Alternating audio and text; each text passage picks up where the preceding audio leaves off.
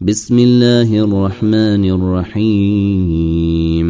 سبح اسم ربك الاعلي الذي خلق فسوي والذي قدر فهدي والذي أخرج المرعي فجعله غثاء احوي سنقرئك فلا تنسي إلا ما شيء الله.